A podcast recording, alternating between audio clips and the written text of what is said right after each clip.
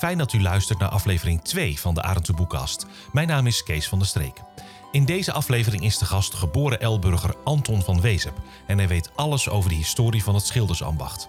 Anton is afkomstig uit een echte schildersfamilie en hij verdiende zijn sporen met name in het opleiden van generaties schilders.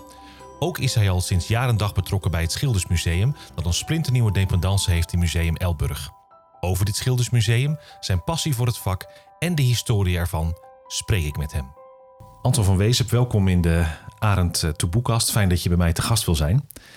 Um, we, ik heb net al een, uh, een kleine uh, sneak preview gekregen van het, het Schildersmuseum, want daar ben je vandaag voor, voor te gast. Maar kun je me voordat we over dat museum gaan praten, eerst wat uitleggen hoe je, hoe je zelf de passie voor het schilderen hebt opgelopen? Nou ja, kijk, ik ben geboren in een schildersfamilie. Ja. We woonden vroeger aan de Westerwaldstraat en tegenover ons huis uh, was de werkplaats van mijn ouders. En uh, mijn vader en die had een bedrijf met drie broers, dus de hele familie was schilder. En dan groei je in op en dan ben je enthousiast over dat vak, want dan wil je dat ook worden. En zodoende ben ik uh, in het schildersvak terechtgekomen. Maar mijn vader had altijd het idee van je moet uh, proberen iets verderop te komen, iets door te leren. Mm. Nou, en van de ene opleiding naar de andere kwam ik uh, na het schildersvak in de verfindustrie terecht.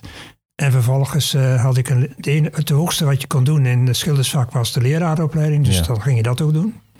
En toen kwam ik in, na verloop van tijd in het beroepsonderwijs terecht. Dus mijn passie ligt vooral in het schildersvak zelf, maar ook in het beroepsonderwijs in zijn algemeenheid. En waar heb je dat, waar heb je dat, dat, dat vak van, dat, dat onderwijsvak uitgevoerd?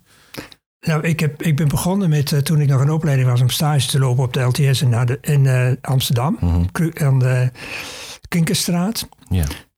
Um, en dat heb ik een, een, tijd lang gedaan. En toen werd ik gevraagd, toen ik bij die verfindustrie gewerkte, om uh, cursussen te geven voor nieuwe technieken die wij in die verfindustrie hadden geleerd, mm -hmm. voor schi werkende schilders. Ja.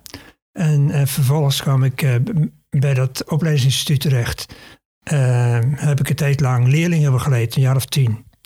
En vervolgens uh, is mij gevraagd om een ontwikkelafdeling op te zetten. En toen ben ik eigenlijk een beetje in het uh, ontwikkelwerk van het onderwijs terechtgekomen. Ja.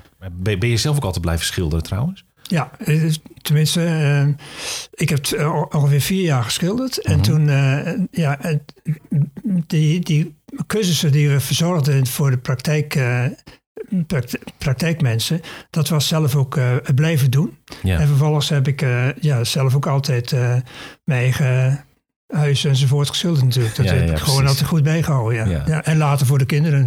Ja. Dus ja, wel wat klussen gedaan, zeg maar. Nou ja, en volgens mij ben je ook voor, uh, voor Arend de Boek op nog wel actief. Ook met, met, met, met, op, op, op de begraafplaats en dat soort dingen. Ja, we zijn met een groepje mensen en op de begraafplaats aan de Nunsbitterweg -huh. uh, bezig om de, ja, de, ja, toch wat verwaarloosde grasstenen allemaal op te knappen. En uh, daar, een van de dingen daarvan is dus het schilderen van de letters die erop staan. Ja, ja. ja. Je vertelde me net dat eigenlijk dat, dat vak van huisschilder, kunstschilder, dat dat eigenlijk niet meer zo, niet zo scherp lag vroeger als dat het nu ligt. Nee, nee vroeger had je... Um, de, de schilders waren georganiseerd in de zogenaamde in Sint, uh, Sint Lucas. En dat was eigenlijk het schilderen van de kunstenaars. Ja. Uh, en niet alleen de schilders, maar ook de goud- en, uh, en zilversmeden waren daarbij betrokken. Uh -huh. En uh, ja, een schilder van vroeger die maakte allerlei decoratieve ja, afwerkingen. En die moest ook heel goed kunnen, kunnen tekenen. En vroeger was het dus zo dat als je goed kon tekenen op de lagere school, dan was het advies vaak dat je schilder moest worden. En dan, ja, dan kon je later wat toelichten op, ehm, op de decoratieve technieken. Maar je kunt je ook uh, toeleggen op uh, gewoon het huisschilderwerk. Dus dat groeide geleidelijk aan steeds verder uit elkaar. Men maakte toen ook onderscheid tussen uh, ververs en fijnschilders. Of schilders en fijnschilders. En fijnschilders, dat waren dus mensen die ook het decoratieve werk deden. En mm-hmm. ja, ook geleidelijk aan overgingen naar, naar schilderijen, zeg maar, maken. En um uh, en zat daar dan, en is dat, is dat onderscheid in de, in de loop der jaren gewoon wat, wat scherper geworden dat je uiteindelijk kunstschilders kreeg en, en huisschilders? Ja, dus steeds verder uit elkaar gegroeid. En, uh, en, dat, en dat proces loopt nog eigenlijk steeds uh, door. Van um, decoratieve schilders die onder andere letters aanbrengen en decoraties aanbrengen. Dat is ook al een specialisatie geworden binnen het schildersbedrijf. Ja. Um, en vervolgens is de techniek ook debet aan dat dat dat ook een, zeg maar, langzamerhand een apart beroep is geworden. Men spreekt tegenwoordig bijvoorbeeld over signberoepen, waarbij je via de computer teksten en emblemen enzovoort uitprint, die dan vervolgens geplakt worden op vrachtwagens, om een voorbeeld te noemen. Ja, ja. En uh, dat is eigenlijk geleidelijk aan een heel apart beroep geworden. Ja, ja. Ik zag ook bijvoorbeeld in, um, in het Schildersmuseum uh, iemand voorbij. Dat was een, dat een, een, een zogenaamde rijtuigschilder. Uh, Dick Pauwels. Dick Paulus, ja. Dick Paulus is uh, een schilder uit Ossenzeil. Uh -huh. Die uh, zich oorspronkelijk als huisschilder begonnen is. En die zich bij toeval terechtgekomen is in, in het schilderen van rijtuigen, koetsen enzovoort. En daar zich heel verdienstelijk in heeft gemaakt. Steeds een stapje verder is gekomen. En uiteindelijk de, zeg maar de, de, de, gouden koets die nu net helemaal gerestaureerd is, -huh. heeft mogen voorzien van bladgoud. Ja. En trouwens niet alleen de gouden koets, maar ook de glazen koets ja. mocht hij ook beschilderen. En dat betekent dat de decoraties opgeschilderd worden. -huh. Koetswerk is vaak veel mooi schilderwerk maken, waar een hele hoge eis aan gesteld. Maar ook uh, dan afwerken met uh, op alle randen biezen te trekken, dunne ja. streepjes verf. Ik, ik zag dat bladgoud, ik zag er iets over staan. In het, uh, dat, dat, dat is ontzettend dun. Ja, hè? Dat... ja. Het, het, het, het, goud dat wordt dus platgeslagen, steeds verder platgeslagen. En dat gaat zo ver door dat het iets van 8000ste millimeter dik is. Dus dat is te verwaarlozen. En het is ook heel moeilijk om dat aan te brengen. Want als er iets, uh, laten we zeggen, wind bij komt, dan waait het gewoon uit elkaar en dan ben je het kwijt. En, en daar heeft die, uh, die, die rijtuigschilder zich dus helemaal in, uh, die, bekwaamd. Ja, ja, die is daar, daar is heel ver in gegaan, ja. Die is ja. heel deskundig in ook, ja. Maar daar deden we ook wel veel meer aan. Bijvoorbeeld um, de, de, haan op een kerktoren. Dat was ook zo'n voorbeeld die altijd met bladgoud beplakt werd. En soms meerdere lagen bladgoud die erop gezet worden. En zo zijn er ook uh, biezen en uh, bijvoorbeeld uh, historische panden van luiken en dat soort zaken, die, die ook een gouden randje krijgen. En dat is, dus ook zo'n techniek, ja. Ja, ja, ja. Um, we hadden het even over de, over de rijtuigschilders, maar je vertelde ook, en we zien ook in het Schildersmuseum, dat, dat de techniek van, van glas in lood eigenlijk ook oorspronkelijk door, door schilders werd, werd bedreven. Ja, schilders die maakten dus glas- en roodramen vanaf modellen vaak. Hè. Dus bepaalde bouwstijl heb je ook. Bekend is de sla-oliestijl, dus de Empire-stijl. Kun je dat eens wat uitleggen voor een ontzettende technische leek als dat ik ben? Wat is dat voor, waar, waar hebben we het dan over? Nou, dat, dat is een bouwstijl die in de tijd uh, van uh, de Lodewijk-stijlen ja? uh, ontstaan is. En die kenmerkt zich door allerlei gebogen lijnen. -huh. En er zijn bepaalde huizen uit die periode die je nog steeds terugkent. -huh. waar dus ook op de gevel die lijnen terugkomen. die bouwstijl terugkomt, maar ook in de glaslood terug, terugkomt. En uh, nou, schilders maakten dus uh, uh, die glas- en roodramen. -huh. En later kwam het ook heel vaak voor dat glas- en roodramen in kerken bijvoorbeeld beschadigd werden. -huh. En dat die dus gerestaureerd moesten worden, hersteld moesten worden. En dat was het ook werk van de vroeger de schilder en nu eigenlijk meer de glazenier, zeg maar. Ja, ja. Um, je, je, vertelde ook al even over de, over, de, over de opleiding. Je bent daar zelf in je beroep, beroepsleven natuurlijk heel intensief betrokken bij geweest. Um, wat, is dat nou alleen maar uh, domweg een kwast pakken en leren schilderen? Of komt daar, of komt daar meer bij kijken?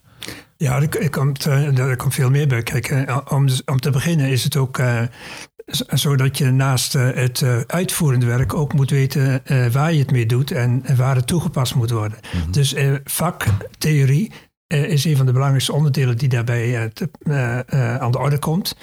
Uh, maar ook uh, zeg maar, uh, dingen als meetkunde, het kunnen opmeten van objecten enzovoort. Hè. Dan kom je in de richting van calculatietechnieken.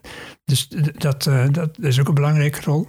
En natuurlijk is er geleidelijk aan in de beroepsopleiding ook steeds meer algemene ontwikkeling gekomen. Dus taal, rekenen, Engels tegenwoordig, omdat je ook veel voorschriften van verfabrieken hebt die je bijvoorbeeld in het Engels tegenkomt.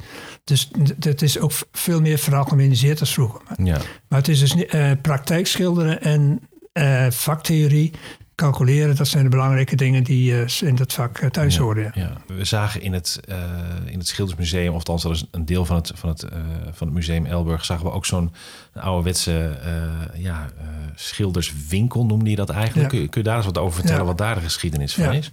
Nou, het, tegenwoordig spreken we over schilderswerkplaats, maar vroeger spraken we over schilderswinkel. Ook omdat vanuit die werkplaats wel wat verkoop plaatsvond. En bijvoorbeeld heel veel mensen gingen dan vroeger zelf een stal of een muurtje witte met wit kalk. Mhm. Nou, dan haalden ze dus één of twee scheppen witkalk van, uh, uh, bij de Schilderweg. Dat werd dan vermengd met uh, karnemelk die ze bij, ja, bij bezoete melkboeren gingen halen. En dan kreeg je dus ook een verflaag die goed buitenbestendig was, oh, die sterk was voor buiten. dus er werd vanuit de werkplaats werd er wat verf verkocht. En dat, daarom de naam Schilderswinkel. Uh, wat er dus ook gebeurde is vroeger dat de schilders uh, buiten in de zomermaanden altijd heel veel werk hadden. Maar winters was het altijd wat minder. Dan konden ze niet buiten werken. En dan, en, dan werd die winter vaak gebruikt om enerzijds een eigen verfproducten te maken van vroeger. Mhm. Anderzijds bijvoorbeeld om de ladders te onderhouden en allemaal dat soort klussen. En luiken van, van grote huizen die werden ook vaak uh, zomers niet geschilderd, maar opgeslagen in de werkplaatsen. Om ze die in de winter binnen te kunnen schilderen. Mhm. Maar een belangrijk eh, punt was uh, het zelf maken van de verf met een zogenaamde potmolen. De schilder maakte zelf, maar na verloop van tijd zag de schilder kans om betere producten te maken, te mhm. verkopen aan hun collega's. En dat groeide bij een aantal groeide dat zo sterk dat het zich, zich ontwikkelde tot, tot een eigen verfindustrie. En zo was het dus uh, dat toen ik in het vak kwam uh, midden jaren 60, zodat er in, in, Nederland zelfs wel 700 verffabriekjes waren, die allemaal gespecialiseerd in bepaalde producten de verf van de man brachten. Dat was eigenlijk begonnen was dat als een schilderswinkel, maar die bekwaamden zich zo dat ze op een gegeven moment alleen maar dat deden en niet meer zelf ja. Uh, op de ladder gingen staan om te schilderen. Ja, dus, dus de verfindustrie is eigenlijk voortgekomen uit de huisschilders zelf. Tegenwoordig zijn heel veel van die kleine fabriekjes opgekocht door een paar grote jongens. En zodoende zijn, is het teruggebracht tot ongeveer zo'n 50 leveranciers, hè, verfleveranciers. Uh, in Nederland, maar waarvan een stuk of drie, vier grote zijn die echt uh, het grootste deel van de markt beheersen. Ja, waarom kies je dan juist voor Elburg? Ja, je komt er zelf vandaan, maar dat zal toch niet de enige reden zijn geweest om nou juist hier dat wilde hebben? Nou, het is wel een belangrijke reden om het, om het hier te doen. Omdat ik me natuurlijk nog steeds verwant voel en heel erg betrokken ben bij Elburg zelf. Ja. Maar aan de andere kant is het ook zo dat Elburg is eigenlijk een museumstad geworden. Ja. We hebben zelfs op dit moment, uh, als het goed telt, eh, twaalf verschillende musea in de gemeente Elburg dan. Niet alleen in de plaats, maar in de gemeente Elburg. En uh, ja, daar past, daar past een ander museum sowieso weer, weer bij. Dus, het, is, dus het, het, is een bijdrage om Elburg museumstad te maken. Ja, want je vertelde ook dat, zeg maar, door, juist doordat hij, wat hier natuurlijk in Elburg heel erg speelde, was toen de afsluitdijk kwam de schilders of de vissers moesten stoppen. En je vertelde me dat dat, dat, dat, dat schilders werden. Hoe, hoe, hoe zat dat? Nou, kijk, eh, het, in, het was 1932 kwam de afsluitdijk. En toen had iedereen al in de gaten, elke visser had in de gaten, dat, uh, dat wordt eh, minder en misschien verdwijnt het wel helemaal. En toen kwamen veel vissers voor de vraag te staan: wat gaan we doen met onze volgende generatie, met onze jongens? En uh, geleidelijk aan kregen ze dus het advies om, uh, om maar nou, ja, niet naar de visserij uh, toe te gaan, maar om mhm. wat anders te zoeken. En nou was het zo dat die bottes die werden vaak ook door de, door de vissers zelf onderhouden. Mhm. En men had dus een beetje zeg maar een, een linker gevoel voor, voor schilderwerken daardoor ontstaan, gekregen. En, en zodoende kwam het dat dus een aantal van die mensen, en ook in Elburg waren er verschillende voorbeelden, die kozen voor het schildersvak. Mhm.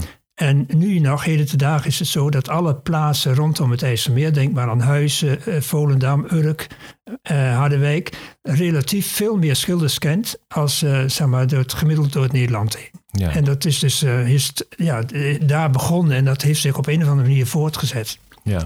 Geldt dat ook voor, je, voor jouw eigen familie? Want je komt ook uit een familie van schilders. Ja, Nou, onze familie uh, is, komt, komt niet uit de visserij. Uh, Dus uh, die link ligt daar niet, nee. Maar je noemde wel een aantal voorbeelden van families waar dat heel duidelijk wel speelde. Ja, Nagelhout, hè, Kees, Kees de Klep en zijn ja. broer. Dat zijn duidelijk voorbeelden.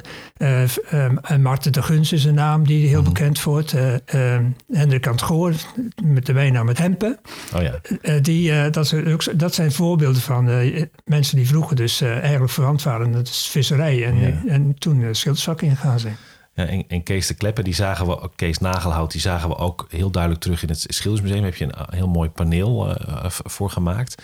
Want dat is weer typisch zo iemand die, uh, zeg maar, ook heel erg die, die combinatie tussen schilder en ook kunstschilder weer, weer ja, maakt. Kun je ja, wat over hem vertellen? Ja, ja. Kees de Kleppen die is dus geboren in een van de huisjes van Beja langs de haven. -huh.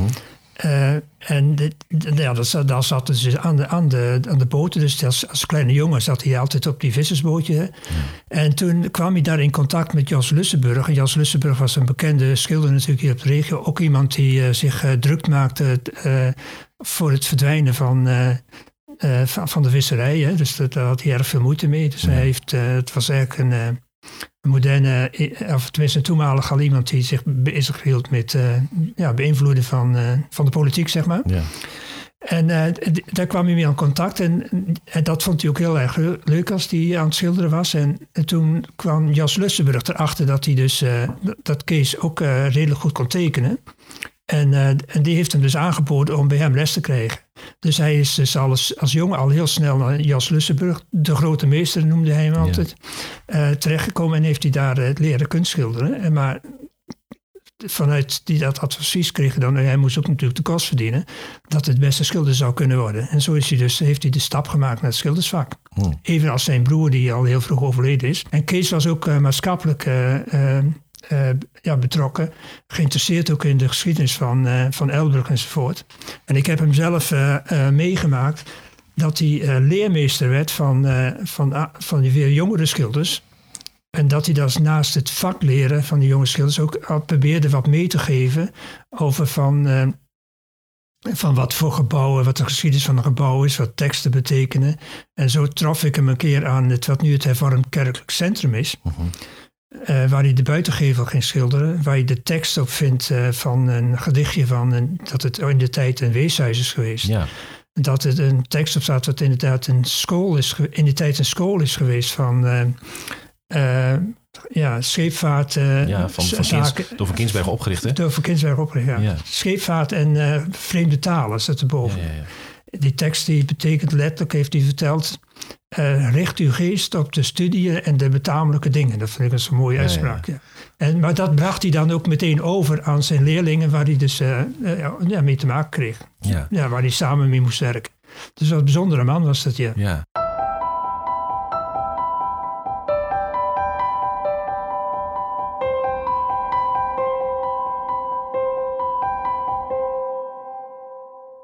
Kun je ons eens eventjes ook in, in gedachten, want we, we, hebben er net samen doorheen gelopen door het Schildermuseum heen loods. We komen, we komen binnen aan die trap. Dan zag je de, rechts zag ik al die allemaal, allemaal een hele wand met allemaal pennen zag, ja, ik, zag ja. ik staan. Bijzonder. Een van degenen die ons geholpen heeft met het uh, inrichten van de Sendries uh, Veldkamp, die was uh, leraar aan de CIBAP in Zwolle. En die heeft zijn hele leven, 40 jaar lang, heeft hij uh, pennen verzameld van schildersbedrijven. Hij heeft dus uh, 5702 uh, pennen. Om precies te zijn. Om precies te zijn, ja. Schilders uh, pennen uh, heeft hij verzameld. Dat heeft hij thuis allemaal gedigitaliseerd. En dus de foto's van elke pen en dat in een, een, een, digitaal bestand gezet. En op een gegeven moment, hij is nu bij de 70. En ja, dus, ja, wat moet ik er nou mee doen? En toen kwam het idee om het hier tentoon te stellen. En daar hebben we een mooi plekje voor gevonden. Ja.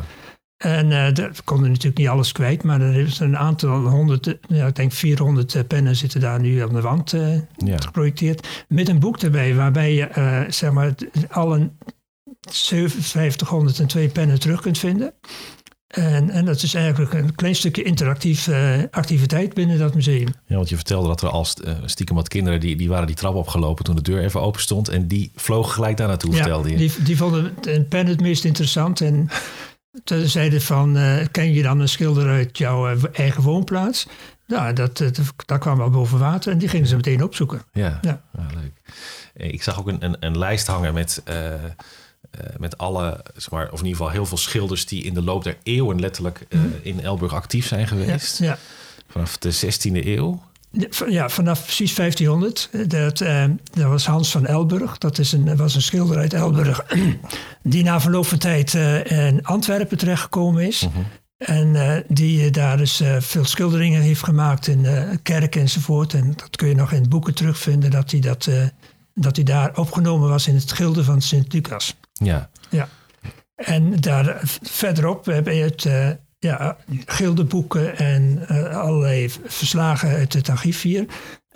namen kunnen opdenken, opvissen die we dus verzameld hebben. Zodoende zijn we tot aan nu toe aan zo'n kleine 200 uh, eh, namen van schilders uh, ja. Uh, ja, bij elkaar en een aantal prominenten daarvan staan dus op die, op die, op die lijst met mm. waar het kan geboortedata en, en, en sterfdata daarbij. Um, wat ik ook heel indrukwekkend vond, het waren die panelen over die, over die gilders waar je net al wat, eh, wat over vertelde. Kun je dat nog eens, het, Sint-Lucas-schilder noemde, je, noemde je net al? Ja, Sint-Lucas-schilder, dat was het schilder van de kunstberoepen, zo heette mhm. dat vroeger. En daar waren bij aangesloten de schilders uh, en daarnaast de goud- en zilversmeden en ook de uh, kantklossen zaten er zelfs ook nog bij. Dus het waren dus kunstberoepen, zoals ze dat vroeger nemen. Zodoende is, is die schilderssector daar ook bij gekomen. En de glazeniers waren er ook onderdeel van. Ja, en uh, Sint-Lucas was dus de beschermheilige van die, van die schilders. En dat uh, kwam omdat Sint-Lucas schijnbaar op in de, in de Bijbel, als een van de vier evangelisten, het meest beeldend de boodschap uit uh, kon brengen. Oh, Zodoende zijn ze bij Sint-Lucas terechtgekomen. Ja. Nooit geweten. Mooi, uh, mooi verhaal. Ja, en, en, die, en die gildes die, die, die, die zorgden voor de, voor de opleiding. Voor, uh, wat, wat, wat waren de functies van die gildes dan? Nou, de gildes was dus een verbond van bedrijven. Meestal zaten ze ook in, uh, in één straat bij elkaar. Hè. Mm Zo ken, en dan werd de straat naar genoemd. Dus we kennen de Vervenstraat bijvoorbeeld in de bos. Maar we kennen hier ook de Smedestraat van de Smeden. Dus, en, en daar heb je ook de Brouwersteeg, waar vroeger de bierbrouwers oh zaten. Um, zaten ze bij elkaar. En er was een soort vereniging van bedrijven, van de eigenaren van bedrijven. De gildemeesters heette die. En die, um, die, die, zorgden samen dat, dat de, de families die in die sector werkten, maar ook dat het werk uh, wat uh, uitgevoerd moest worden, redelijk verdeeld werd. Mhm. En dat het aan kwaliteitseisen voldeed. En dat ze de zorg draagden voor uh, alle mensen die bij die gildes betrokken waren. Bijvoorbeeld als een, wedu, als, je, als een gildemeester uh, overleed, dan ging het gilde zorgen dat die weduwe ook uh, onderhouden werd. Ja. Ehm, die, die bedrijven moesten in de tijd 25% van hun omzet afstaan aan het schilden. En daarvan uit werden dat soort dingen betaald. Ja. En een belangrijk, en dat is heel bekend verhaal, is ook dat de gildemeesters ook bepaalden door een ander een gildeproef te laten afleggen uh, of die voldoende vakbekwaam was en of die dus ook een eigen uh, bedrijf kon mo mogen starten.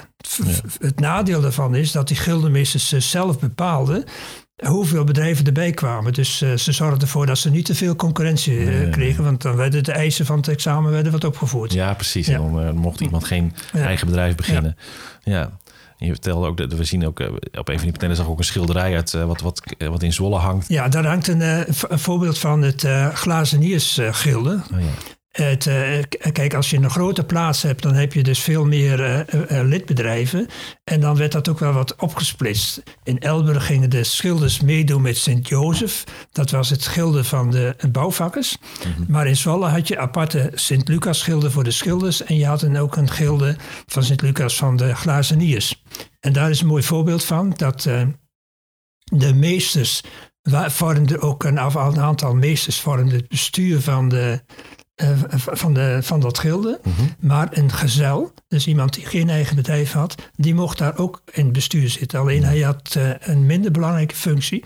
En, was, en op de schilderij zie je dat er een gezel uh, toegevoegd is, die dan op de rand van de schilderij staat, omdat hij ja, minder belangrijk was en dus ook geen prominente plaats in uh, mocht nemen. Hij mocht zelfs ook geen hoed dragen, geloof ik. Hè? Hij mocht ook geen hoed dragen, nee. nee, nee, Dat zie je op het schilderij heel mooi terug. Dan is dat je tegenwoordig niemand, iemand nieuw in de familie hebt, zeg je, dan gaan we op het randje van een foto staan, kun je dat nog afknippen. Ja, dat precies. ja, ja, ja, ja, ja, zo ging het, ja. ja. En ook wel mooi van het schilderij is dat er een, een bepaalde lege plek in zit dat kon je zien dat, het, dat er iets weggeschilderd is. En toen bleek later, uh, na, dus, dus een bepaalde studie, dat, uh, dat een, daar een gildemeester gestaan had die zijn contributie niet betaald had en toen geweigerd werd en dus weggeschilderd. Maar interessant is ook dat het gilde begonnen is in ongeveer 1200. In Deventer was het eerste gilde uh, bekend mhm. in die tijd. En dat heeft het geduurd totdat de Franse overheersing kwam. Ja. En die hebben dus die, al die gildes afgeschaft. Want de, de, de term van gelijkheid en uh, broederschap en zo, dat, dat bepaalde dus dat, dat dat eigenlijk niet meer mocht. Want dat het onderscheid en mensen werden bevoorrecht. Dus de Fransen hebben dus die gildes afgeschaft. Maar het heeft wel vijf eeuwen lang volgehouden. Ja. En, en wat, wat, wat veranderde dan? Want er staat ook ergens op een van die van 1815. Dat is, dat is het jaar dat het koninkrijk, eh, dat Nederland een, een koninkrijk wordt. Uh, hoe, hoe, is toen die, die opleiding van die schilders verder gegaan? Want die schilders waren er niet meer. Dat, dat waren natuurlijk belangrijke instanties. Hoe is dat toen zo, zo globaal gelopen? Tot, nou, toen, toen, uh, toen de koninkrijk de Nederlanden kwam, toen was er helemaal geen sprake van beroepsopleiding meer. Want uh, dat was een soort regentenregering die uh, zeg maar de mensen, uh, de, de, rijken bevoordeelde en de armen steeds armer maakte. Ja, dat is ook de tijd van de kinderen, de, de, kinderwet van Van Hout, ja. dat kinderen ehm, ja, het gewoon volop mee moesten werken, soms al op heel, hele jonge leeftijd. En een voorbeeldje daarvan hangt, is van, het gaat over Jaapje, die als leerling uh, rijtasschilder werd uh, ja, opgenomen bij een bedrijf.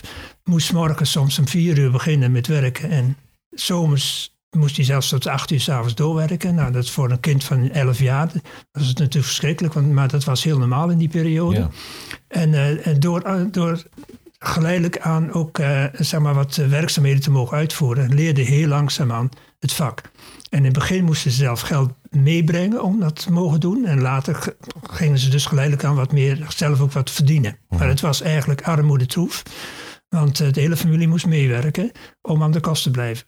Dus ja. sprake was er geen van de beroepsopleiding. En na verloop van tijd, in ongeveer 1850, eh, toen begonnen de eerste uh, signalen te komen dat het toch wel belangrijk was dat er wat aan opleiding gedaan werd. Mhm. En toen ontstonden de, uh, de eerste particuliere scholen en later de eerste uh, ja, avondtekenscholen. Dan konden de, de, mensen die overdag gingen werken, die konden dan s'avonds naar een school toe. Dat hebben we hier ook in Elburg gehad. En konden ze dus uh, wat vakleer en wat theorie, of wat dat tekenen, en vooral verschillen is wel belangrijk, wat tekenen leren. En zodoende toch iets meer algemene ontwikkeling te krijgen en zich ook wat beter in het vak te kunnen ja, handhaven.